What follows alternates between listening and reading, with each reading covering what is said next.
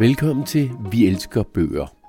Vi elsker bøger af Københavns Bibliotekers årlige børnelitteraturfestival.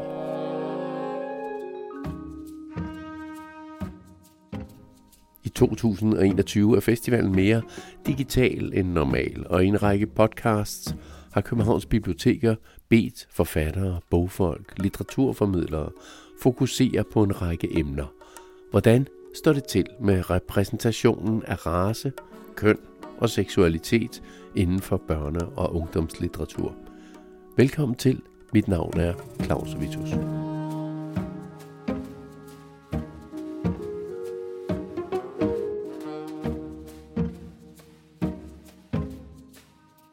jer som biblioteker, I er altså gatekeeper på en eller anden måde, kan man sige.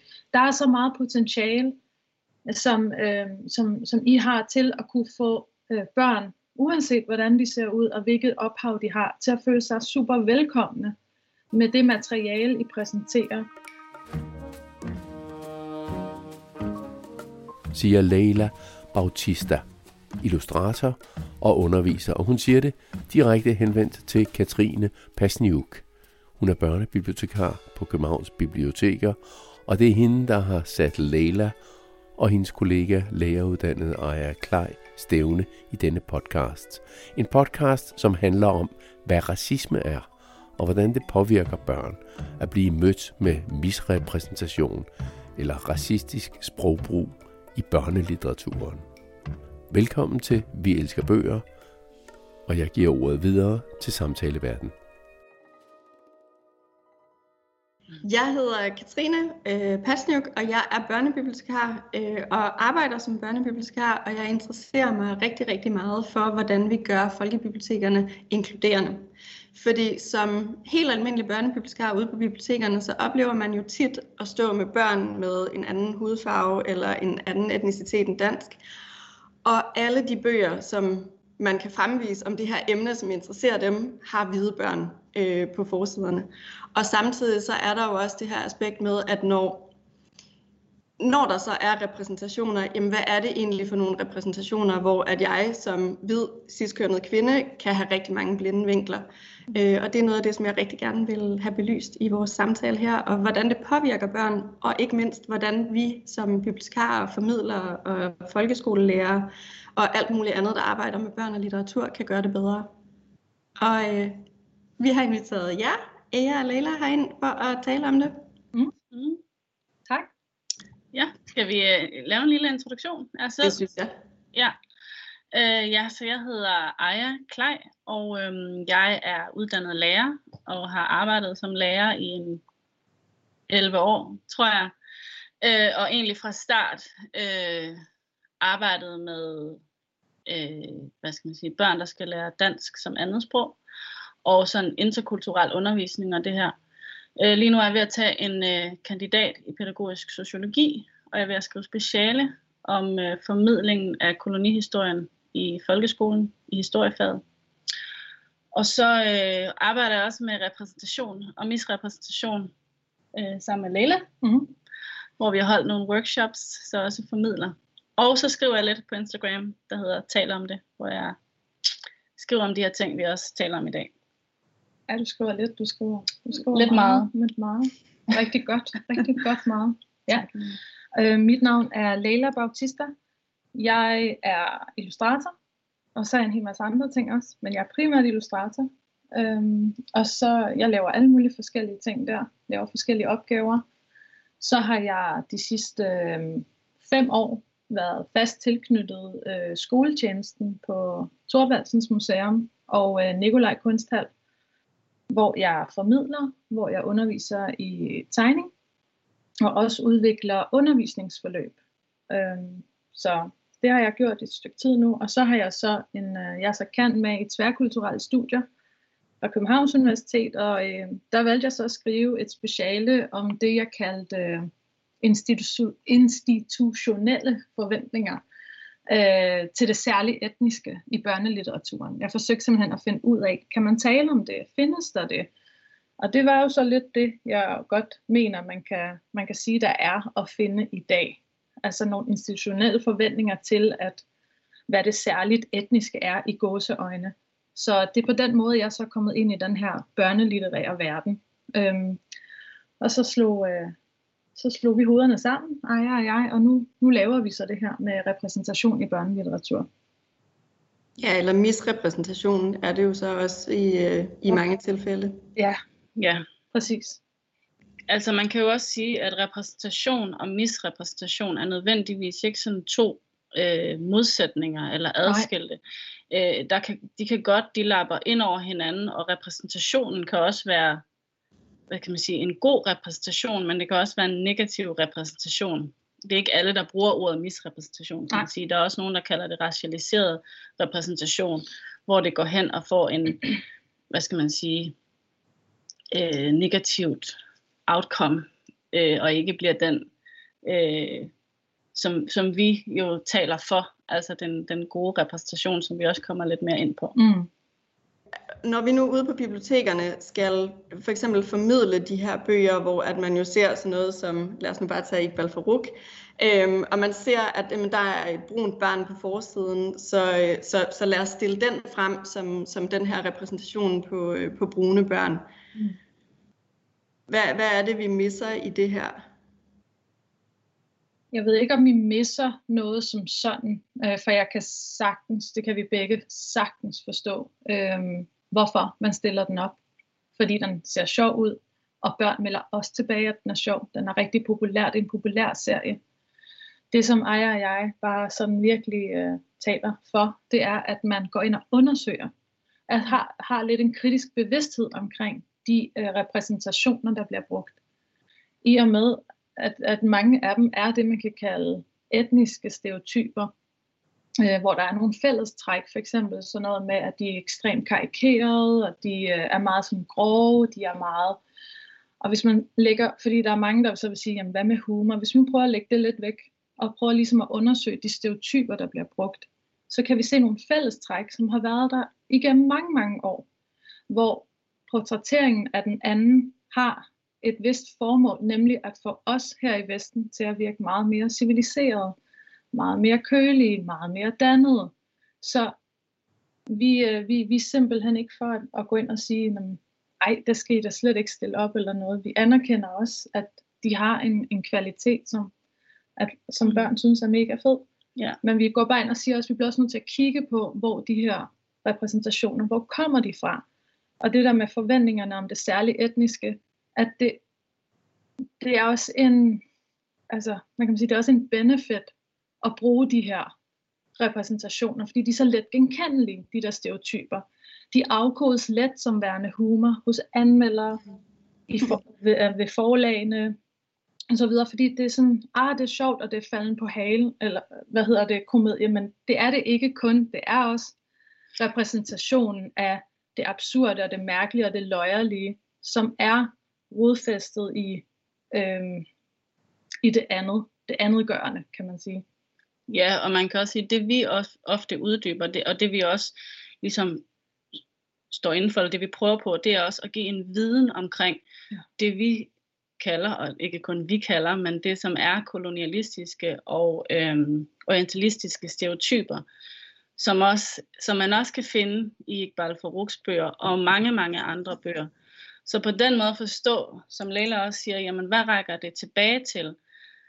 Hvad er de her stereotyper blevet brugt til? Og man kan jo sige også i forhold til kolonialismen, øh, som har brugt børnelitteratur rigtig meget som et virkemiddel, men også som en legitimering af, af de handlinger, man gjorde. Og faktisk er det også blevet brugt i en politisk kontekst, altså som et argument for, at de her mennesker må vi gerne se ned på. Så der sker en dehumanisering øh, og en andetgørelse, som Leila øh, fortæller, om, som, ja, som simpelthen legitimerer, at, at, øh, at vi, kan, vi kan holde det her øh, racialiserede hierarki, kan man sige, ikke? Hvor, hvor nogle mennesker er, er under og bliver betragtet som en stereotyp, men også at det bliver meget generaliserende. Altså, de har ikke de her, øhm, hvad kaldte du det, etniske etniske stereotyper. Ja, etniske stereotyper. Altså de har ikke lov at gøre alle mulige forskellige ting. De, de er inde i nogle... Vi forventer, at de skal gøre noget mhm. specifikt inden for intellisme eller kolonialisme, at hvis man kommer fra såkaldt, nu siger jeg citationstegn, det kan man ikke se på en podcast, men fra Afrika, jamen så er man på en bestemt måde, så er der vilde dyr, og så er man selv lidt vild, og man, man spiser nogle mærkelige ting, eller hvad det kunne være.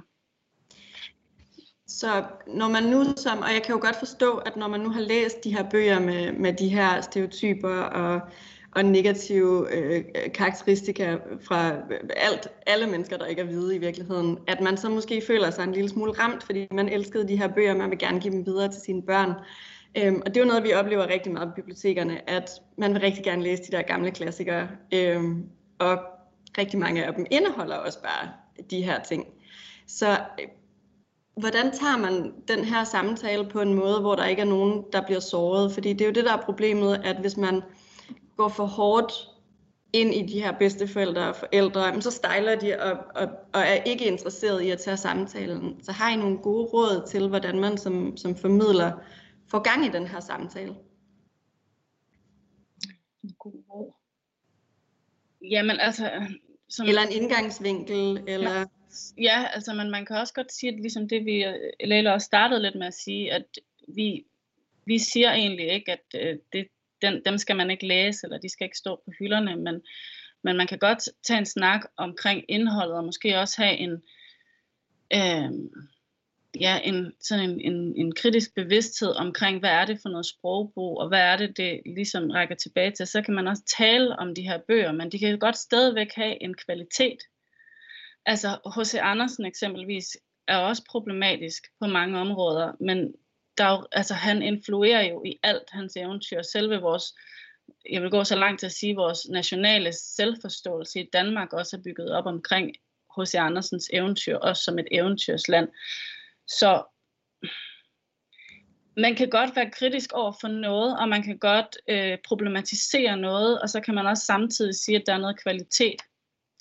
Øhm, nu siger jeg så noget, som jeg egentlig ikke havde tænkt mig at sige her, men jeg lige fortalt Leila, at lige nu der er min dreng vilde med at læse Lucky Luke, som jo er dybt kolonialistisk. Og det taler vi jo så om. Men øhm, som min mand Kuko også ofte siger til mig, jamen altså, det har stadigvæk kvalitet. Han kan også godt lide Tintin. Det er også problematisk. Der er også racisme i. Mm. Så det ene, det, det ene udelukker ikke det andet.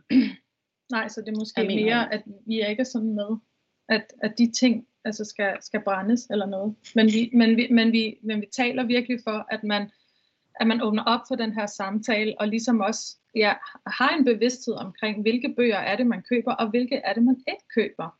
Mm. Man skal ligesom kunne kigge på, at det kan godt være, at det her det er bøger, vi har læst i vores familie i, i altid. Men stop op og prøv bare lige at, at, at få en optik på, hvor du sådan kigger, kigger lidt kritisk på de portrætteringer, de repræsentationer, der er i bøgerne. Og så tage stilling. Og det, det er det, som vi, vi egentlig øh, håber, at alle vil gøre. Og kigge ud over landets grænser måske også. Nu er det sådan lidt mere løsnings... Øh, ikke fordi vi har nogle løsninger. Der er ikke nogen løsninger, men vi, men vi kan snakke om, hvad man kan gøre også. Ikke? Kig ud over landets grænser.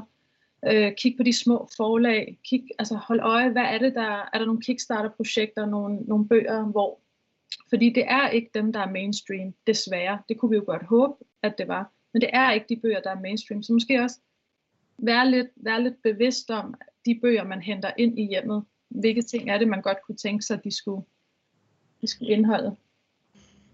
Og så kan man jo også, man, man kan også måske give slip på, på nogle ting, altså ligesom sige, hvorfor holder vi fast i, at det her ord, eksempelvis ja. N-ordet har vi meget i Danmark, ikke? som at det skal være noget hyggeligt. Og ganske rigtigt, det står i simpelthen så meget børnelitteratur. Øhm, og man støder på det. Det gør man. Men man, vi har også udviklet os, ikke? så man kan sige, okay, jamen nu forstår vi, der er også noget med at tage det ind, og ligesom sige, jamen det er et racistisk ord. Og det står i noget litteratur. Det kan også være, at det står i noget litteratur, man har på hylden, men så i hvert fald sige, jamen nu ved jeg det, og så kom videre derfra, lidt ligesom øh, uh, Nana Frost, som jo også har altså, ændret sit sprogbrug, kigget på sine egne tekster. Det synes jeg er ret stærkt, ikke? at man kigger på sine egne tekster og siger, det skrev jeg dengang. Men i dag vil jeg skrive anderledes, og så handler man ud fra det, og man tager også ansvar, kan man sige, for det, ikke? Ja, man kan sige, det er, jo, det er jo de færreste, der har muligheden for at gå tilbage og se på deres, øh, deres ældre værker. Øhm, men det sker jo egentlig faktisk. Det skete jo også med Halvdan Rasmussen her for, for et stykke tid siden, hvor der blev udgivet en af hans digtsamlinger, men hvor de aktivt havde været inde og vælge digte, der ikke indeholdt de her ord. Øhm, så, at, så man kunne købe dem til for eksempel sine brune børn, eller bare hvis man gerne ville læse digte højt uden øh, racistisk udtryk i for, øh, for alle mulige andre børn. Fordi det er jo et af de problemer, som jeg oplever, det er, at man kan støde på det uden at være forberedt. Fordi jeg er jo fuldstændig enig i, at, at som, som privilegeret, veluddannet menneske, der, der er det en samtale, som, som vi bør have, men, men igen, der, og det er så der, hvor privilegiet kommer ind, fordi det er ikke alle børn, der møder børnelitteraturen med en samtale og med en forklaring. Og det er jo der, hvor jeg synes, folkebibliotekerne har et ansvar, øhm, som, øhm, som jeg håber, at vi kan leve op til i vores formidling af litteraturen. Øhm, men det er jo også der, hvor at det bliver rigtig svært, fordi vi ved ikke altid, hvor de her ord kommer, øhm, og hvordan vi så formidler den litteratur, eller om vi skal formidle den. Men det kan jeg også forstå på jer, at det er ikke fordi, vi skal ud og brænde bøger. Det er vi heller ikke så glade for på bibliotekerne, må jeg jo indrømme. der vil være så mange bøger, der skulle brændes. Altså det kunne jeg ja, men, og det her kommer jeg til at lyde pessimistisk og negativ, men det, det vil der. Altså nu har jeg selv været igennem det meget, ikke det meste, fordi Bjarne Røtter, som jeg lige skal nævne nu her, har, har skrevet rigtig meget, men jeg har været igennem otte af hans bøger, og endordet er gennemgående i alle bøgerne. Og racisme er gennemgående som et, ikke som et tema, men som nogle personer og flere personer i bøgerne, som opfører sig racistisk, siger noget racistisk. Og det kan man sige, jamen det er jo er en af, hvis ikke Danmarks største, mest hyldede børnebogsforfatter. Ikke? Så, så ja, vi er, vi er ude over at fjerne litteraturen, men der hvor vi må, vi må tage snakken, fordi der har også været et fravær af snakken, der har været en fortielse ikke? af oh, racisme i Danmark, og vores egen, vores egen involvering som Danmark i som kolonimagt. Øh, og i dag kan man sige, at, at det, der sker lige nu i Danmark, er, at der er nogle nyere racialiserede grupper, ikke, som bliver kaldt de ikke-vestlige. Og mm. de er i høj grad også portrætteret meget negativt, meget stereotyp i meget nyere litteratur, som Leila især har været inde over. Mm som rækker ind i orientalisme. Mm-hmm. Så den kobling med undertrykte grupper, mennesker, der i forvejen er undertrykt, og så en litteratur, der forstærker den, de fordomme, de negative antagelser. Det er der, man, det er der, man lige skal sådan stoppe op. Og, øh, ja. ja, altså i virkeligheden kan man jo tale om, at hele det her silencing, det er jo en silencing-strategi, vær stille, og, og at så lave sådan en slags hvis I ikke kan grine af det her, altså jeg har set det citeret, jeg kan ikke huske, hvem det var, der sagde det, men sådan, at hvis man ikke kan grine af det her, så er man bare ikke integreret dansker. Øh, jeg tror, det var en journalist eller et eller andet, i forhold til hele det her debat omkring børnelitteratur, hvor det meget, meget hurtigt bliver sådan kunstigt reduceret til et spørgsmål om censur. Må vi, eller må vi ikke? Ja. Det er bare overhovedet ikke der, vi er. Men vi siger også, det er altså total magtudøvelse, når I lukker os ned. Nu siger jeg også, os der måske har noget at sige om det her. Det er magtudøvelse, når I lukker os ned, og så siger at vi så ikke er, er rigtige, eller vi er trækker offerkortet. Og en, en anden ting, der også, som der altid bliver bragt op, det er sådan svenske tilstand. Svenske, svensker, Sverige. det er jo helt galt derovre. Mm. Sådan må det endelig ikke blive her. Og man lukker bare ned for samtale, og det er magtudøvelse. Fordi hvem har lyst til at være den sippede? Hvem har lyst til at være den hysteriske? Hvem har lyst til at bryde hyggen? Ødelægge ja. hyggen? Ja.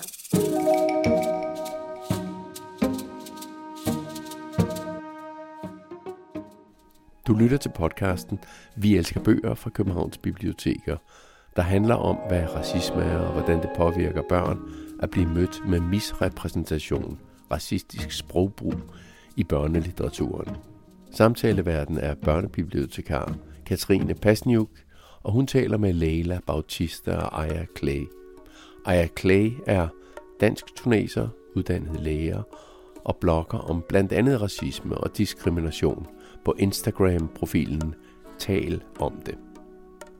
Leila Bautista er illustrator, uddannet kant mag i tværkulturelle studier, og hun har i sine studier særligt beskæftiget sig med repræsentationen af karakterer med minoritetsdansk baggrund i børnelitteratur.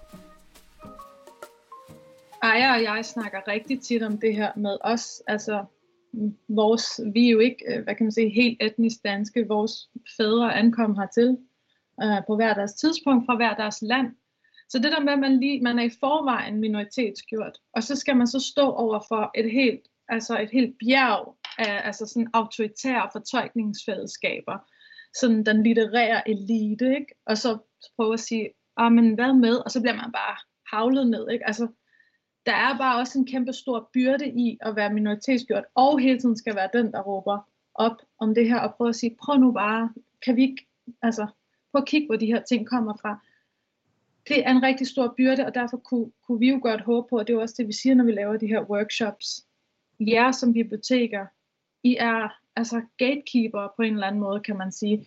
Der er så meget potentiale, øh, som, øh, som, som I har til at kunne få øh, børn uanset hvordan de ser ud og hvilket ophav de har, til at føle sig super velkomne med det materiale, I præsenterer, og den måde, I i tale sætter øh, alle, øh, i tale sætter de her ting på, i tale sætter repræsentation på, så kan det også løfte noget af byrden fra alle de minoritetsgjorte personer, der er i debatten på alle mulige andre områder også. Det er ikke kun med det her, men det er bare en rigtig stor byrde, øh, fordi man er mere udsat. Og, øhm, og nu er det jo så, fordi på bibliotekerne, der er vi jo stadigvæk låst af, hvad der så bliver udgivet. Øhm, så hvis vi nu håber, at der er en hel masse forlag og forfattere og illustratorer, der, der lytter med, hvad er det så, altså, hvad er det, vi mangler der? Fordi jeg tænker, altså, netop tit den der med, at hvis man kigger på forsiderne, så er det, det er hvide børn, og, øhm, og det er ikke fordi, jeg tænker, at det nødvendigvis skal handle om, jeg synes faktisk helst ikke, det skal handle om racisme, øh, mm. når det er børnebøger. Jeg vil jo gerne have de her fuldstændig hverdagssituationer, at nu starter et barn i skole, og hvordan er det, og måske noget familieliv, der ikke bare er, er den hvide kernefamilie. Præcis. Så, ja. så hvad, hvad, kunne man, hvad kunne man ønske sig fra forlag og forfattere og illustratorer? Jamen, altså, jeg kunne ønske, at ja, de ting, Vi står bare begge to. Ja, det er lige præcis det. Men ja, Hverdagstingene. Det, det er lige præcis det, du siger. Ja. Og det er, at de tænker det ind, men også, at de får den her viden om, hvad, viden om, hvad er, hvad er repræsentation? Fordi det, der også ofte sker i Danmark, det er, at vi, man, man kan godt have en idé om, hvad repræsentation er, at det er lige så snart, vi hiver ja. et brunt barn ind, at det er lige så snart, vi, vi mm. laver noget, der ikke er heteronormativt, eller har en fortælling om to mødre. Men der skal lidt mere end det til, fordi det kan hurtigt gå hen og blive udstillende. Især hvis man selv skriver ud fra en, øhm, hvis man skriver om den anden, lad os sige, man er en hvid etnisk dansk, der, der vælger at, at skrive om øh, racialiseret eller, eller minoritetsgjorte, eller nogen, der er brune, eller nogen ja, queer, eller, eller hvad hedder det nu, personer med et handicap, eller hvad det kan være, mm. så skal man tænke ekstra over det. Fordi det kan godt gå hen og få, få den modsatte effekt, altså at blive misrepræsentation, eller udstillet, eller eksotiserende. Ja. Øh, så det er det her med at få, dem, få, få noget helt naturligt ind, i nogle i, i hverdagssituationer. Hvis man kigger på udviklingen i USA eksempelvis, som vi jo alle sammen altid følger med i, så er det jo den udvikling, hvis man tænker på, da vi var børn, og man så, hvis man så sådan noget som Barney, det ved jeg ikke, om man gjorde, men altså i reklamer, der var der tænkt rigtig meget ind, så skulle ja. der være et brun barn, et barn fra Asien, og, og en, der sad i kørestol, og det var ligesom det, der var repræsentation. Ja, ligesom Sesame Street har jo altid, Lige præcis. altid Men man er gået lidt væk fra det. Nu er man gået over i, vil jeg sige, at det ikke er det der med, man nu skal vi lige huske, det er ikke procent, at vi skal have den, den, den, den repræsenteret, repræsenteret men man ja. også bare er begyndt at lave film og bøger, og altså med en naturlig Naturlig diversitet. Ja, diversitet. Men det, det kommer vel også lidt af, at øh, når nu, jeg læser også mange engelske bøger, der ser jeg nemlig også en meget bredere repræsentation af altså stort set alle minoriserede grupper. Og jeg tænker også, at det handler vel også om, at det er et større marked, så det er, altså hvor at Danmark, vi har et meget lille marked, og man kunne godt frygte, at der måske var bedre mulighed for at blive udgivet, hvis man er hvid, ciskønnet, etc. Øhm, fordi det er, man tænker, at jamen, det er majoriteten, det er dem, vi kan sælge til. Så det er det, vi vælger at udgive. Og så bliver det netop de der token-personer, fordi at så kan vi måske også sælge lidt til nogle andre grupper. Ja, det er et kæmpestort ja. problem, og det er også lige præcis det, jeg valgte at skrive om, eller kigge på i mit, i mit special, de der institutionelle forventninger, mm. at der er også et økonomisk øh, øh, outcome i sidste ende, som det, som det handler om. Og hvis, det, hvis man bruger de her etniske stereotyper, så bliver det bare meget lettere afkodet som værende sjovt. Øhm, fordi at det er den, den brede majoritet, som de her bøger de skal ud til. Så der bliver jo kigget på, hvor meget vil de kunne sælge, ligesom øhm, for eksempel den film, der hed MGP-missionen, den fik jo faktisk afslag først i at få filmstøtte, fordi man ikke mente, at den ville kunne sælge i Jylland. Så det er også, altså der er helt klart økonomisk incitament til at fortsætte med at bruge de her reduktioner, de her stereotyper. Øhm, men, men vi, og det er netop også det, vi mener med den kritiske bevidsthed. Vi bliver også nødt til at anerkende, at der er de her incitamenter. Vi er nødt til at anerkende, at der er den her modstand. Øhm, så der er en eller anden slags øh, modstand mod at afgive noget af den her magt. Og det, øhm, det, altså vi bliver nødt til at starte et eller andet sted med at insistere på, altså det vil også hjælpe, hvis, hvis folk henvender sig til deres lokale øh, bogbiks og sagde, hey, jeg har faktisk fundet den og mm. den her bog, kunne I ikke have lyst til at købe den hjem? Eller man går ned på sit bibliotek. Så det igen, we, we can only do so much, men i virkeligheden, så, så kan folk gøre meget mere, end de egentlig tror. Og, mm. og, og igen, så bliver det også sådan en selvforstærkende profeti, at øh, hvis man så siger, jamen det, det er hvide danskere ikke interesseret i at læse om, så igen, så lukker man igen Lige bare præcis. det hele ned. Ja. Fordi det kan, vi må jo også ligesom gå ind og prøve at have lidt tro på, at, at, at det, det kunne de godt tænke sig at læse om, fordi mm. det handler igen også om at menneskeliggøre de, de, de, personer, der før er blevet reduceret. Så for eksempel øhm, den her bog, der hedder Uden mor, som jo er helt fantastisk. Øhm, af, hvad hedder det, Salma Ahmed og, og tegnet af Runa Stepping. Det er jo det er en bog, der tager et universelt emne op, det vil sige det at miste en forælder. Men det er jo noget, det er jo noget alle kan genkende. Og det bliver tit fremlagt som om, at det her med repræsentation i børnelitteratur, som om det er kun noget, der gælder. Det, det er kun i de brune børns interesse. Det er det ikke. Det er ikke kun i de brune børns interesse. Det er også i de hvide børns interesse. Og det er jo det der med, at børnelitteraturen øh, er, et spejl og et vindue. Så både det med, at barnet kan spejle sig selv øh, i bogen, men også at det kan kigge ud og se andre måder at leve på. Mm-hmm. Andre sprog, andre måder at spise på, andre rutiner, andre vaner, og få en få det ind også. Mm. Det, det udvider simpelthen horisonten. Ja, få et nuanceret perspektiv på verden, ikke? fordi når vi også snakker kolonialisme og orientalisme, så det der det, der karakteriserer det, det er jo også den her meget binære opfattelse af verden, ikke? Også dem, Vesten, ikke-vestlige, mm. mand, kvinde, i øvrigt. Det gælder inden for alle de her ting. Øhm, så jeg synes også i det hele taget, at man, at man skylder børn en nuanceret perspektiv og en mere ærligt perspektiv og udsyn mod verden, så man ikke vokser op, ligesom jeg vil våge at påstå, at vores generation er vokset op, og rigtig meget er først gået op, gået op for os, da vi var voksne, fordi man kan have en følelse af, at det ligesom var blevet holdt væk fra en. Mm-hmm. Hvorfor har jeg ikke fået det at vide? Hvorfor har vi ikke fået noget at vide om, om Danmarks fortid som kolonimagt? Ja. Øh, hvorfor har vi, hvorfor har vi, hvorfor har vi fået, fået alt pakket ind i sådan, at det var heltegærninger, og sådan en meget romantiseret, og også en idealiseret, som i øvrigt hører ind under orientalisme og kolonialisme, mm. billede af verden. Og vi har stadigvæk det her narrativ, og den her, øhm, den her tankegang, at, at dansk værdi, at vi er meget frisindede, vi er et velfærdssamfund, og vi går også ud og hjælper andre, ikke? eksempelvis. ja, er øhm, præcis. Og det, det, det ligger jo også under, altså nu fik jeg så ikke lige sagt noget om, om, om orientalismen, men det er jo også det med Edward Said siger, når man har de her orientalistiske stereotyper, man har de her orientalistiske repræsentationer, så indenunder, når man bruger det, når man, altså indenunder den repræsentation, der ligger der jo også den der idé om, at Vesten kan bedre, Vesten kan og bør øh, lede vejen. Mm. Og det åbner jo op for, for magtudøvelse på mange altså på politiske områder, som vi måske ikke lige tænker har noget at gøre. Hvad har det med børnelitteratur mm. at gøre? jamen det er jo selve ideen om, at de mennesker, den anden, de har ikke styr på tingene. De er kiksede, de er usiviliserede.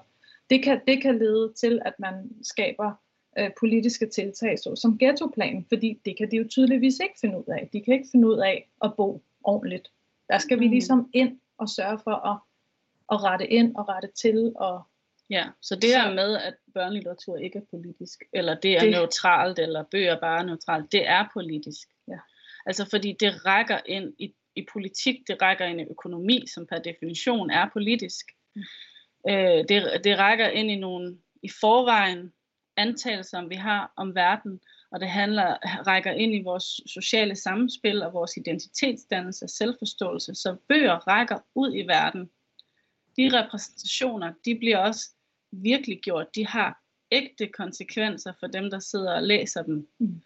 Øhm, og jeg tror også, at vi er jo også, som du selv sagde, vi er ikke selv etnisk, etnisk danske, så at vokse op og så ikke se sig selv repræsenteret, og det man så var meget stereotypt. Øhm, det er jo også et, øh, et, et incitament eller et, en inspiration til at, til at fortsætte det her arbejde, fordi vi ved, hvad det betyder, og nu ser vi så hos vores børn også, ikke? Mm.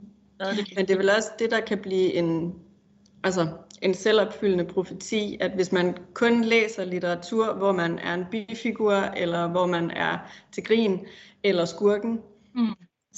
så lukker det også bare verden lidt for en i forhold til, hvad man forestiller sig, man kan blive. Ja, lige præcis. Ja. Og, og, og samtidig, og, og de børn, som der så er helten i historien, læser det, og, og tænker jo så det samme om de her mennesker, som de møder ude i virkeligheden, at nå, det er jo bare dem, der er sidekicks til, ja. til min fortælling.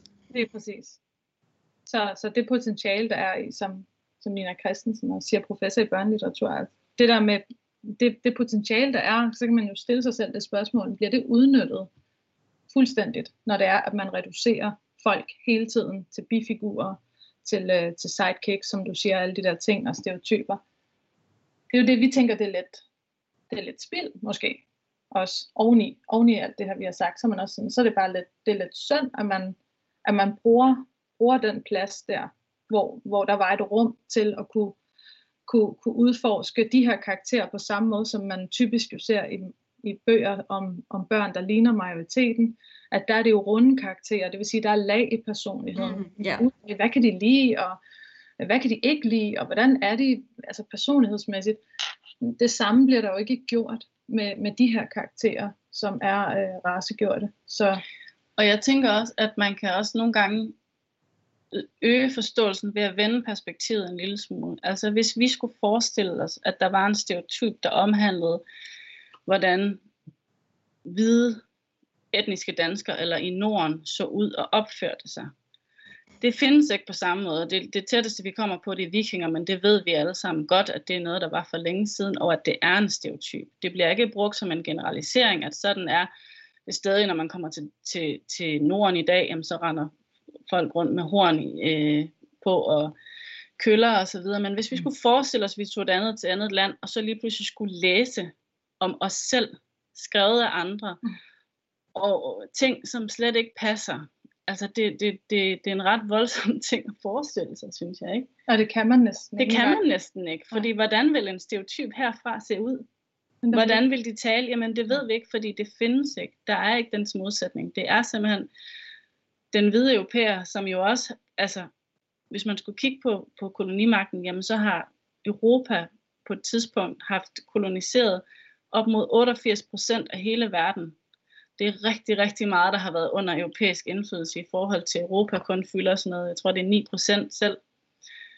Så den indflydelse har man jo ikke bare koloniseret, ligesom nu har vi fået magten, man har jo også assimileret, altså ligesom pålagt sine værdier mm. over andre. Så når man kigger det i det der store perspektiv, så giver det lige pludselig en mening, at jamen selvfølgelig flyder det også i litteraturen mm. og i de billeder, Altså vi synes faktisk, at børnelitteraturen er ekstremt vigtig. Meget vigtig.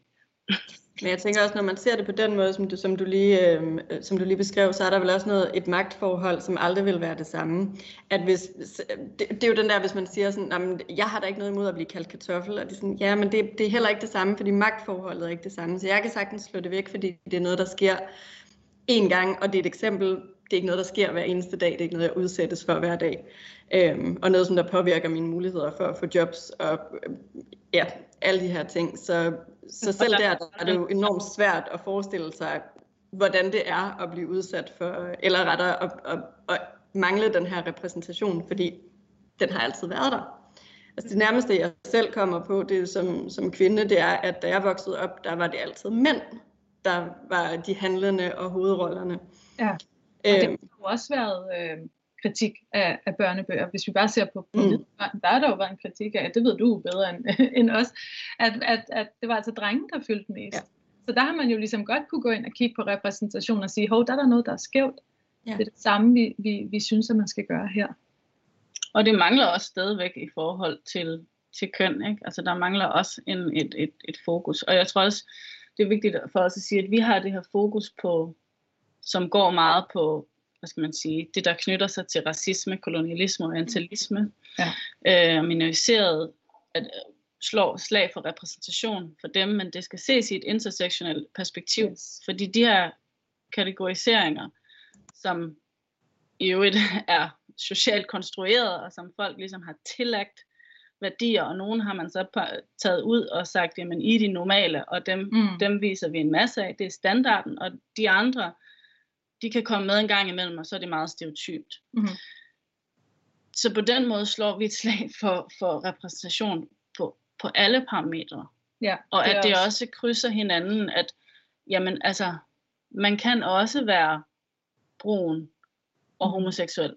Altså, man kan også være jeg ved ikke, skal ikke sidde og komme med en masse eksempler, men det, det Præcis, det er vi arbejder intersektionelt, absolut. Ja. Øhm, så det gælder alt, abilitet, kønsidentitet, seksualitet, klasse, social baggrund osv. Det, Ja. Nu er det ikke noget, jeg, jeg har forberedt jer på, men kan I komme med nogle gode eksempler, øhm, som man kan tage fat i? Også fordi, at det, det kan være svært, når vi nu er vant til at læse Bjarne Reuter og, og Iqbal Farouk, hvor, at, altså, hvor der er de her øhm, meget stereotype fremstillinger, så kan det være svært at vide, hvad er de gode fremstillinger så, og, og hvad er det, man skal se efter i forhold til, fordi, og det er igen de her blinde vinkler, som man står med som, som både altså lærer og bibliotekar og alt muligt andet. Forældre. Ja, man kan, hvad, hvad kan man starte med? Man kan starte med for det første, nu, det har vi slet ikke forberedt, nu siger jeg bare. Nej. Men, man kan starte med for det første at kigge sig selv i spejlet. Man kan starte med øh, at, at, at tænke over, hvad er mit eget standpunkt her i verden? Hvilke privilegier har jeg? Hvilke blinde vinkler kunne jeg have? Hvor, hvor er mit ståsted, hvor jeg kigger ud i verden? Hvis man starter der, så er man allerede kommet rigtig, rigtig langt. Ja, og så hvad er jeg vokset op med? Hvad er jeg, hvad skal man sige, konditioneret af, eller ind i, socialiseret ind i? Mm. Og hvad skal jeg aflære? Mm. Det kan være lidt, lidt svært, men jeg tror også, at der er rigtig mange, der får en positiv øjenåbner, og så tænker, jamen det er det her, man har ventet på, fordi man godt har kunne se, jamen der er noget skævt. Øhm, så der er nogle ting, man også skal aflære. Der er også nogle ting, vi skal aflære. Det er jo vigtigt at sige, at, at ja. de her strukturer og de her undertrykkelsesstrukturer, de indlejrer i os alle sammen. Vi har alle sammen Absolut. fordomme, og nogle fordomme er, er også, altså fordomme er bare normalt, men det er de her fordomme, som rækker flere hundrede år tilbage, og som ligesom er indlejret i alt, man på en måde også skal ind og aflære. Ja, hvilke øhm. sandheder har man taget for givet? Er det sandheder? Hvilke overbevisninger har man? Prøv at pille lidt ved det. Man kan også se på sin, sin boghylde derhjemme, sin bogreol, og se, ja. jamen, hvad har jeg? Hvad har jeg ikke? Hvad, hvad har jeg hvad har jeg en tendens til bare at vælge, fordi det er jeg vant til? Skulle jeg prøve at udfordre mig selv? Det kan være, at man skriver lidt ned til sig selv, en lille, nogle, nogle benspænd, jamen jeg skal prøve at, at hive det her ind. Det kan også være, at man vil øh, jamen, have noget litteratur ind på nogle andre sprog, eller hvad. Det kan være rigtig mange ting. Øhm. Man kan tænke over, hvilke, hvilke, hvilke værdier er det, jeg gerne vil give mine børn. hvad er det, jeg synes, det er vigtigt, at de får med her i livet. Øhm, og det er jo, at man så tænker over, skal de se det samme, som de allerede kender til, som de ser mest af, eller vil det være rigtig godt for dem at se noget, der ikke lige ligner deres hverdag. Så det skal man også helt klart, kan man gøre sig nogle tanker om, hvad er det, jeg gerne vil vise mine børn?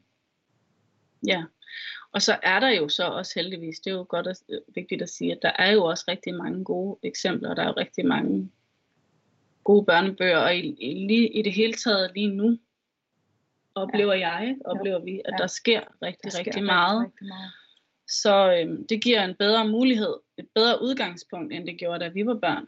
Helt og det må man der jo sker sige. så mange spændende ting. Ja, vi har jo også virkelig ting, uh, ting i, i skuffen, som vi, vi håber, ja. vi kan komme med. Så, så der sker rigtig meget, så, så tjek alle de der små forlag ud også. Mm. Altså, der er rigtig mange små forlag, der fokuserer på diversitet og uden for landets grænser også. Prøv, prøv at tjekke det ud.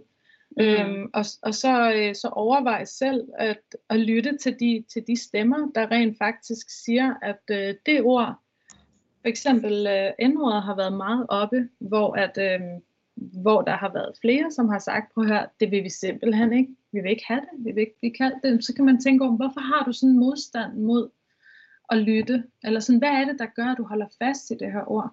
Så, så prøv at gøre dig nogle tanker om dine egne overbevisninger, og, og så overvej, om, om, det, om det ord stadig skal være at finde i de bøger, som du så giver videre til dine børn.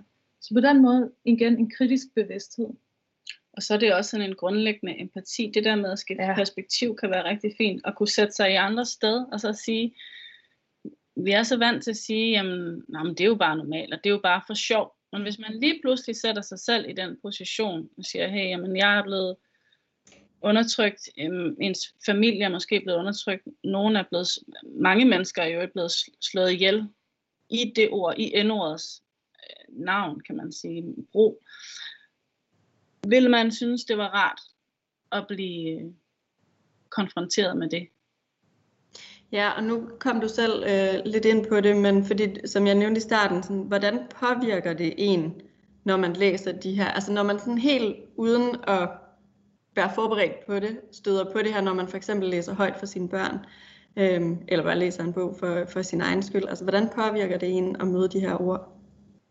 Det påvirker en rigtig meget. Og nu har både Lilla og jeg siddet jo med, med hovedet helt nede i rigtig, rigtig meget af det her litteratur, og det har været hårdt, og nogle gange har vi måttet tage pauser, og vi har måttet ringe til hinanden og skrive til hinanden. Ja, og sige, det har vi gjort rigtig meget. Og nogle gange har vi måttet sagt stop, fordi ja. vi har jo også hver især vores punkter, hvor det rammer os mere. Og det er klart, mm. når der er noget, der går ind og rammer helt personligt, så har vi også hver især sagt, det kan jeg ikke høre om lige nu. Ja, det har vi faktisk øhm, gjort enormt meget. Ja. ja. Og øhm, jeg kan også mærke, eksempelvis hvis det er noget, der rammer mine børn, ikke? at, at det, kan, det kan jeg ikke lige. Jeg må lige tage en pause. Og også i forhold til at sidde og skrive speciale om det, det ja, man, man skal ligesom forberede sig mentalt på det. Ja, måske som lige stramme mavemusklerne og ja. ret ryggen og sige, nu, nu gør vi det her. Men min, min bekymring er også, for eksempelvis nu jeg selv lærer, men at den manglende bevidsthed, den manglende viden, der også er i skolen eksempelvis, det kunne også være i bibliotekerne, men institutionerne, som har med børn at gøre, at, det, at de ord reproduceres, at den racisme reproduceres, uden man kan gøre noget ved det, og uden at de personer ved, jamen hvad skal de gøre ved det. Fordi jeg tænkte jo meget over det som lærer. Jeg har valgt utrolig mange undervisningsmaterialer af, øh, fra. Jeg har også sprunget over ord, fordi jeg mener ikke, at nogen børn skal sidde i en højtlæsningssituation og pludselig konfronteres med et racistisk ord. Vi skal kunne tale om de ord også. Vi skal også tale om racisme, også med børn. Men det skal ikke komme som et bagholdsangreb for børn. Helst ikke. Det gør det jo det er jo det værste, det skal vi lige huske at sige, at, mm. at hvis du er børn, og du er racialiseret i Danmark, som, som at vi racialiserer i Danmark rigtig mange grupper af mennesker efterhånden, mm. jamen så vil du møde det som et bagholdsangreb. Du vil møde det, når du mindst venter det. Ja, præcis. Så øh, det er også derfor, det er så vigtigt på, at når vi taler repræsentation, så er det også vigtigt at se på det på institutionel plan. Det er også vigtigt at have folk inde på museerne inde på skolerne, inde øh, i, i filmbranchen, inde i forlagsbranchen. For så er der flere øjne, der ligesom kan kigge på, på det her og sige sådan, hov, vent lige lidt, ikke? Sådan en lille stopklods. Mm. Og, være, og der ligesom være noget, der øh, kan rokke ved nogle ting, der er så dybt indlejret. Så det igen, det er ikke fordi vi, vi, det er ikke fordi vi går ud og siger, at folk bare helt bevidst bare siger ting for at såre folk, som er minoritetsgjorte. Nej, det, Vi vælger nok at se det nærmere øh, undtagelsen. Men at det er så indlejret. Øhm, og det er der, der er jo også ting, der er indlejret i os. Der er også ting, vi har sagt, som vi aldrig kunne finde på at sige den dag i dag. Så, så det er det, vi sådan der siger. Prøv at være, være, være bevidst om, at repræsentation, det er sådan en, det skal, det skal være overalt i samfundet. Det skal være bag kameraet, foran kameraet, Lige den der skriver bogen, den der læser bogen, mm. den der underviser på museet, og den der går ind på museet osv. Den der sidder i økonomiafdelingen, administrationen. ja. Nu taler man selvfølgelig kun kultur, fordi at det, jo, vores, det er men, men det er det vi glemmer Men det er nemlig hele vejen. I hele, altså, i hele rækken, altså også det er også det vi øhm, hvor, hvor jeg har talt med nogen på Gyldendal på et tidspunkt, hvor vi talte om, mm. altså det er jo ikke kun forfatterne og dem, der kommer ind og laver undervisningsmaterialerne eller skriver bøgerne. Det er også dem, der ansætter folk, dem, der er på redaktionen. Mm. Ja, for hvis jeg ikke tager helt fejl, så har du også været i dialog med Gyldendal omkring noget af deres undervisningsmateriale, som ligger tilgængeligt på deres portaler, ikke? Ja, øh. ja jeg, jeg, jeg var med i startprocessen, og så trækker jeg mig ud af det, fordi jeg simpelthen havde for meget arbejde. Men ja, de, de er villige, og jeg ved, at flere forlag, museer, Leila arbejder på museer der er, og, og biblioteker, altså vi har lige holdt oplæg for 28 ledere, biblioteksledere, og øh, jeg fik faktisk at vide, at det ikke kun var for Region Hovedstaden, fordi i sidste øjeblik var der kommet nogen med fra Vejle og andre Nå, hvor mange har vi talt for? Eller talt det er ikke helt det lidt over 30, Nå. tror jeg. Men altså biblioteksledere, hvor vi har siddet og talt om de her ting, vi har talt om i dag. Ja. Øhm, og det er jo et sted at starte, ikke? fordi der, der er der nogen, der også sidder og har noget magt, og hvis man også kan åbne øjnene for dem, så det ikke... Det skal være en kultur, der skal ændres, altså en, en, og det skal ofte komme op fra, fordi det er en stor magt, ligesom vi skal også have fat i skoleledere, altså vi skal også på ledelsesplan, så det strømmer ned. Fordi det er tit der, det starter at man sætter tonen for, hvad man, hvad man taler om, eller man bliver lukket ned på lærerværelset, eller i pausen, mm. at man siger noget, ej hold nu op, nu skal du ikke være øh, for politisk korrekt, eller hvad det er. Hvis ja, der er en leder... Hvilket, hvilket i sig selv jo også er blevet sådan en shutdown ting, ikke? Det, det er, blevet brugt øh, til termen politisk korrekt, den er, ja. altså, den er jo den er så effektiv, ikke? Jo, fordi det er ligesom, det næsten er blevet sådan et Ja. Fyord. Hvad, hvad kan du sige til det? Eller man er krænkelsesparat. ja, lidt, krænkelsesparat og offer. Lidt, og... Det er lidt det samme. Men hvis man ja. har en leder, der eksempelvis faciliterer et oplæg om racisme for resten, jamen så ved man godt, man skal lige passe på, hvad man siger. Ikke? Og så er der måske altså god det, grund for en mere men det er åben præcis, Ja, lige præcis. Ikke? Altså, vi har så bibliotekerne i ryggen nu, og det gør jo sindssygt meget for den pondus, der så ligesom er, når vi siger ting. Fordi igen, det burde absolut ikke være sådan. Man burde lytte til folk, som er minoritetsgjorte, som har noget at sige om det her, i stedet for at lukke dem ned. Så, så, så det, at institutionerne kommer med her nu, hvilket der også er på museerne, nogle af de samtaler, vi skal til at have, nu er vi jo selvfølgelig lukket ned, men, øh, men vi skal til at have, have en masse samtaler, hvor, hvor museerne som selv rækker ud til mig og siger, hey, kan du hjælpe med at facilitere de her samtaler, fordi vi ved, at vi bliver nødt til at tage dem. Vi kan, vi kan, vi kan mærke, at de er uden for murene, og, og vi vil gerne ligesom være med. Det er så kæmpe stort. Vi kommer rigtig, rigtig langt. Mm. Og noget vi også viste øh, til, til lederne blandt andet, det er at vise, hvad der foregår andre steder i verden. Som Lilla også siger, at vi kan også kigge mm. til andre steder. Og ja, så er det tit Sverige, der er blevet sat frem til, at de er nogle særlige meget politisk korrekte, og de er for langt ude. Men det vi viste var eksempler fra biblioteker fra et fra Sverige, som havde lavet en udstilling omkring antiracisme i billeder, digitale billeder, men også fra øh, Finland, et eksempel fra Finland, fra Norge, fra Skotland, fra England, fra mm. USA, fra Tyskland. Og det var det store tiltag. Det er biblioteker, altså nationale biblioteker, der går ud, for eksempel i The British National Library, som går ud og siger, vi er arbejder aktivt antiracistiske, og vi støtter du ved, BLM-bevægelsen. Så man kan sige, det der, der, der sker meget, og der er rigtig mange gode tiltag, og det kan man også øh, se og lære af, og lade sig inspirere af. Jeg ved ikke, om vi går røg hen væk fra det, du spurgte. Nej, jeg synes, det er, det er meget fint. Øhm, I virkeligheden så tænker jeg, at, øh, at vi skal til at runde af. Øhm, men jeg kunne godt tænke mig at høre, øhm, om der er nogle konkrete bøger, som I tænker har gjort det rigtig godt med at, at repræsentere. Og det, det behøver ikke nødvendigvis være brunbørn. Det kan bare være altså, sådan en generel repræsentation af, af noget diversitet, mm. som har gjort det rigtig godt. Nu nævnte du selv øhm, den af... Øh, Uden mor. Ja, uden mor, det var det, den hed, ja. Ja, ja den er helt fantastisk. Og den handler jo om, om en pige, øh, hvis mor øh, går bort. Så igen er det det, er det der med, det, det, det er et universelt tema. Det er ikke kun det, som også Hassan Preisler kalder i går, så en indvandrertema, indvandrerproblemer og at være en indvandrerforfatter. Det er universelt temaer. Det er noget, alle børn, som har mistet en forælder, vil kunne åbne den her bog at føle, wow, sådan her har jeg det også. Det kan jeg godt huske, hvordan det var. Så den er helt fantastisk. Så har jeg også lige læst øh, Julian af en havfru af Jessica Love. Den er også helt fantastisk. Um, altså man sidder bare og smiler, når man læser den. Som er en, en ung dreng, som ser nogle smukke havfruer i toget. Um, og så klæder han sig også ud som en havfru, og, og bedstemor synes, at han er helt fantastisk også, og støtter ham. Så den er også rigtig god det er nok sådan de to, jeg er totalt, der er mine yndlingsbøger lige nu. Øhm, og så har jeg også den, der hedder Omar, Amir, Fatima og Samira af Morten Dyr. Den er også rigtig, rigtig god. Det er sådan nogle små historier, hvor der er små historier om forskellige børn, som øh, har oplevet lidt af hvert. Alle mulige sådan. Også igen ret universelle temaer, hvor at det særlige ved den bog er, at repræsentationerne er meget sådan ikke-stereotype. Mm. Øhm, det er ikke den der klassisk, klassiske fortælling med øh, moren, der står i køkkenet med tørklæde og alt sådan noget der. Hvilket man sagtens kan have, hvilket er helt legitimt og okay. Men det er bare så sjældent, at man ser andre former for øh, repræsentationer af en mor, øh, som ikke er øhm, øh, med minoritetsbaggrund. Så det er bare sådan, det er bare ret forfriskende, at der også er nogle andre typer repræsentationer end de samme. Øhm, så den er rigtig, rigtig flot og virkelig god.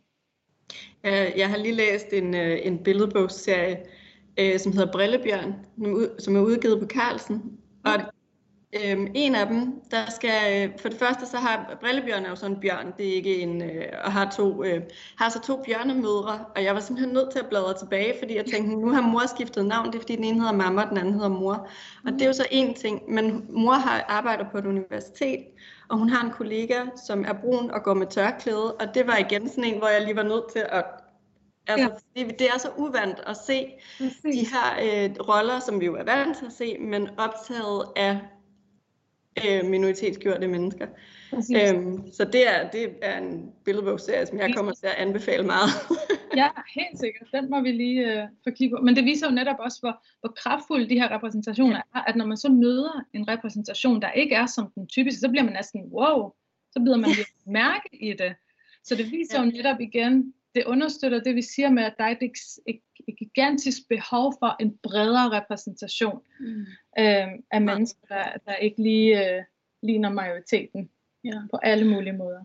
Og jeg, jeg kunne godt tænke mig også at supplere i forhold til, til bøger, som kunne være gode, fordi øh, ja. det er selvfølgelig det samme, som Leila har sagt, men bare lige i forhold til, hvad vi også har meget hjemme på vores hylder, så er det også lidt for at udfordre. Nu, nu nævnte jeg H.C. Andersen, men vi har sådan en tendens til at tænke, at hvis det er eventyr, så er det H.C. Andersen eller Brødrene Grimm, og hvis det er fabler, jamen så er det Aesops fabler. Så det vi har rigtig meget af, det er også nogle eventyr, og det her det er jo ikke nogle nye bøger på nogen måde.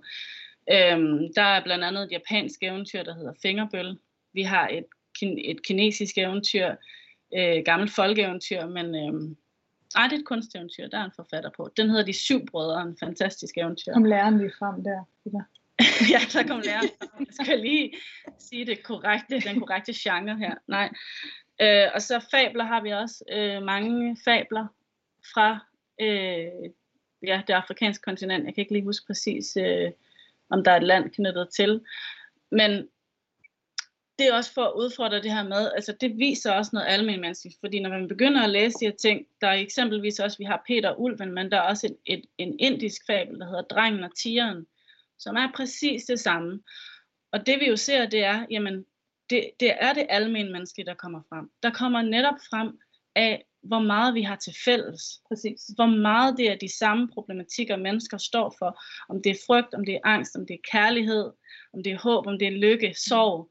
Det er de samme temaer, og det er de samme ting, mennesker har skrevet eventyr om, fabler om, langt tilbage i tiden. Så på den måde kan, synes jeg også, at det at få øje på, øhm, på de her ligheder, frem for at det altid skal være noget andet og spændende og eksotisk. Ja, det er optikken, ikke også? Optikken. Lighedsoptikken, og ikke mm. forskelsoptikken. Og så har vi lige skrevet øh, fire, hvad hedder det, øh, Instagram-profiler ned. Fordi der findes jo så mange, så det her det er jo nogle eksempler, som vi lige har, som vi kan lide derhjemme. Men der er Diverse Kids Books, Books for Diversity, The Conscious Kid, The Tiny Activist.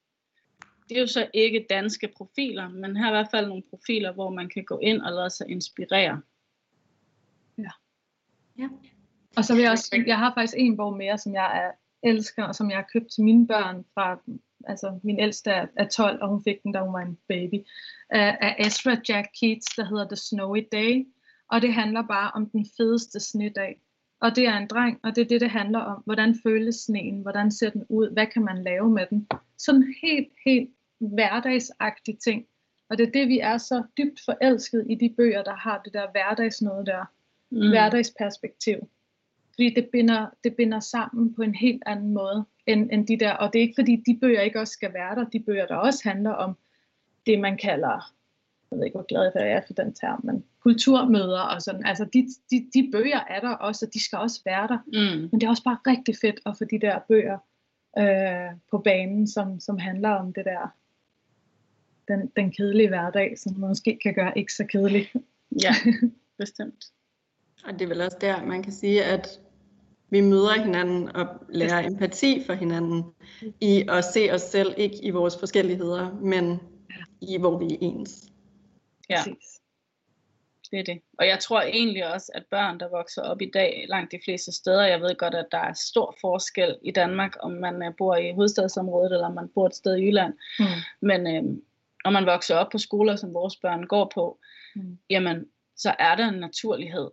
Altså, for mine børn, der øh, er det meget mere øh, normalt at hedde Ali, end det er at hedde et dansk navn, som de kan grine af, hvis de ikke har hørt det før. altså, det er ikke noget... Øh, hvis jeg tager et tørklæde på, som man vil tage det på, hvis man bærer tørklæde som muslim eller hijab, så siger mine børn, ej, det er så smukt. Mm. Sådan ser mine øh, venners mødre ud. Mm. Kunne, du ikke, kunne du ikke bære tørklæde på den måde? Mm. De ser jo heldigvis en anden verden, eller en mere, øh, hvad kan man sige, en mere mangfoldig. Mm. Det ved jeg heller ikke, om vi altid, det kan vi også være kritiske overfor, men altså, de ser en, en anden verden, end vi gjorde, tror jeg. Ja, helt sikkert helt sikkert. Ja, nu er jeg fra Vest, Vestegnen, så det var jo den verden også, jeg, jeg mm. mødte mig. Det kunne da mm. have været dejligt at se, se den, den verden, jeg er opvokset i, og se den i bøger. Det vil, altså, jeg kan da tydeligt huske, da der begyndte at komme, altså sådan, jeg kan huske, da Outlandish og sådan noget kom, jeg var sådan helt, mm. wow, altså, altså der er slet ikke nogen ord til at beskrive, hvordan jeg fik det indeni, fordi det var sådan, wow, der er et eller andet her med min livsverden, der, der, bliver, der bliver sådan sendt ud i, i, i hele landet. Det er noget nationalt, og det taler om noget, som, som er min livsverden. Man skal ikke underkende, hvor fed den følelse er for børn. Så ja, det er om at se, se andre måder at leve på, men det er også bare det der med at kunne genkende noget i den bog, og bare tænke, det der, det kender jeg til. Mm. Det er så fed en følelse.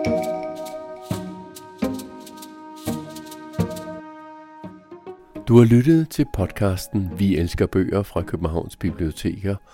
En podcast, som har handlet om, hvad racisme er, og hvordan det har påvirket, og hvordan det påvirker børn at blive mødt af racistisk sprogbrug eller misrepræsentation i børnelitteraturen. Samtaleverden var børnebibliotekar Katrine Pasniuk, og hun talte med Leila Bautista og Aya Clay. Aya Clay er dansk tuneser, uddannet læger og blogger om blandt andet racisme og diskrimination på Instagram-profilen Tal om det. Og Leila Bautista er illustrator, uddannet kant mag i tværkulturelle studier og har i sine studier særligt beskæftiget sig med repræsentationen af karakterer med minoritetsdansk baggrund i dansk børnelitteratur. Emnet var tilrettelagt af Katrine Pasniuk og Tanne Søndertoft i forbindelse med Københavns Bibliotekers årlige børnelitteraturfestival Vi elsker bøger. Der findes flere podcast om børne- og ungdomslitteratur under samme fælles betegnelse. For eksempel en snak med forfatteren Nana Foss og hendes forlægger Sara Ejersbo om at omskrive og fjerne ekskluderende og problematisk sprog i hendes, altså Nana Fosses Spektrum-serie. Find denne podcast og andre podcasts om børne- og ungdomslitteratur samme sted, som du har fundet denne her. Mit navn er Claus Vitus, og jeg har produceret og tilrettelagt podcastserien Vi elsker bøger, og musikken var A Classic Noir af Mary Riddle, stillet til rådighed fra Epidemic Sound. På genhør i en anden podcast.